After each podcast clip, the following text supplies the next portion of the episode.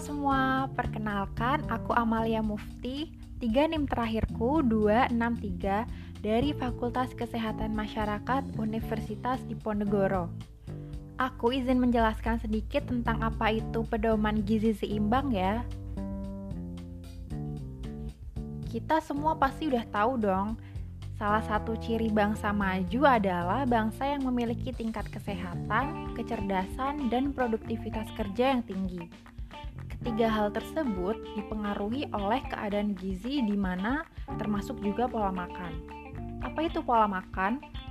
Pola makan merupakan perilaku paling penting yang dapat mempengaruhi keadaan gizi. Hal ini disebabkan karena kuantitas dan kualitas makanan dan minuman yang dikonsumsi akan mempengaruhi asupan gizi, sehingga akan mempengaruhi kesehatan individu dan masyarakat.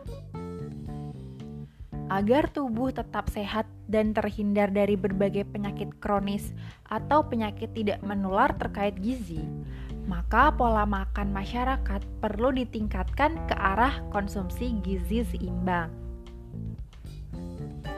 Yang dimaksud gizi seimbang adalah susunan asupan makanan sehari-hari berdasarkan jenis dan jumlah gizinya disesuaikan dengan kebutuhan harian tubuh kebutuhan gizi dipenuhi dengan memperhatikan prinsip keanekaragaman pangan, aktivitas fisik, perilaku hidup bersih, dan mempertahankan berat badan normal. Gizi yang tidak optimal berkaitan dengan kesehatan yang buruk dan meningkatkan risiko penyakit infeksi, serta penyakit tidak menular seperti penyakit kardiovaskular, diabetes, serta kanker yang merupakan penyebab utama kematian di Indonesia. Kita pasti udah familiar kan dengan slogan 4 sehat 5 sempurna. Nah, apa sih bedanya dengan pedoman gizi seimbang? Pendidikan dan penyuluhan gizi dengan menggunakan slogan 4 sehat 5 sempurna itu udah dimulai dari tahun 1952 Slogan ini berhasil menanamkan pengertian tentang pentingnya gizi dan merubah perilaku konsumsi masyarakat.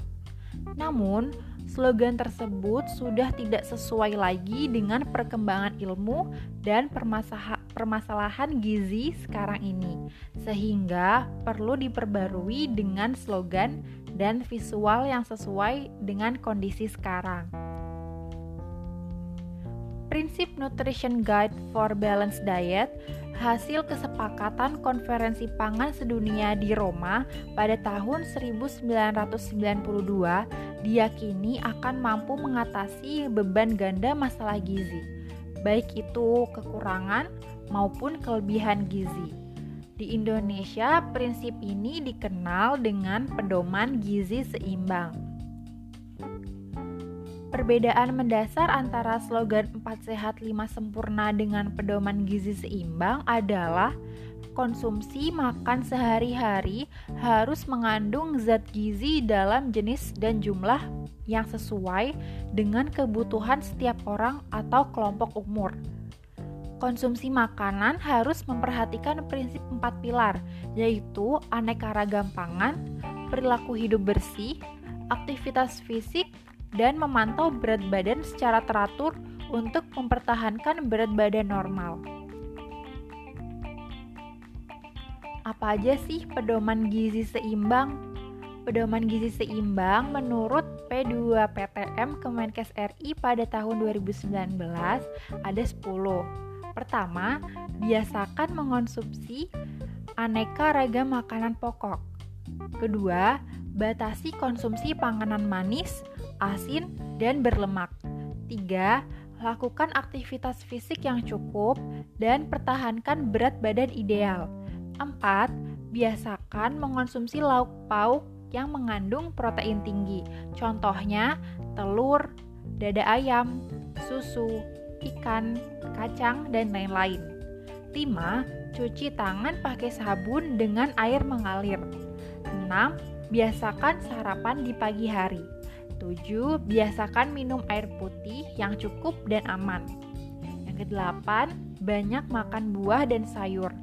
9. Biasakan membaca label pada kemasan pangan. Yang terakhir atau yang ke-10 yaitu syukuri dan nikmati aneka ragam makanan. Untuk salah satu penjelasan di atas, ada yang menyebutkan minum air putih yang cukup dan aman. Gimana sih anjuran yang tepat? Anjuran yang tepat yaitu minum 1-2 gelas di pagi hari setelah bangun tidur. Minum 1 gelas setengah jam sebelum makan, minum 1 gelas ketika merasa lelah, minum lebih banyak sebelum dan setelah berolahraga, minum air sebelum tidur, dan minum lebih banyak ketika sakit. Cukup sekian penjelasan tentang pedoman gizi seimbang dari aku. Sampai jumpa.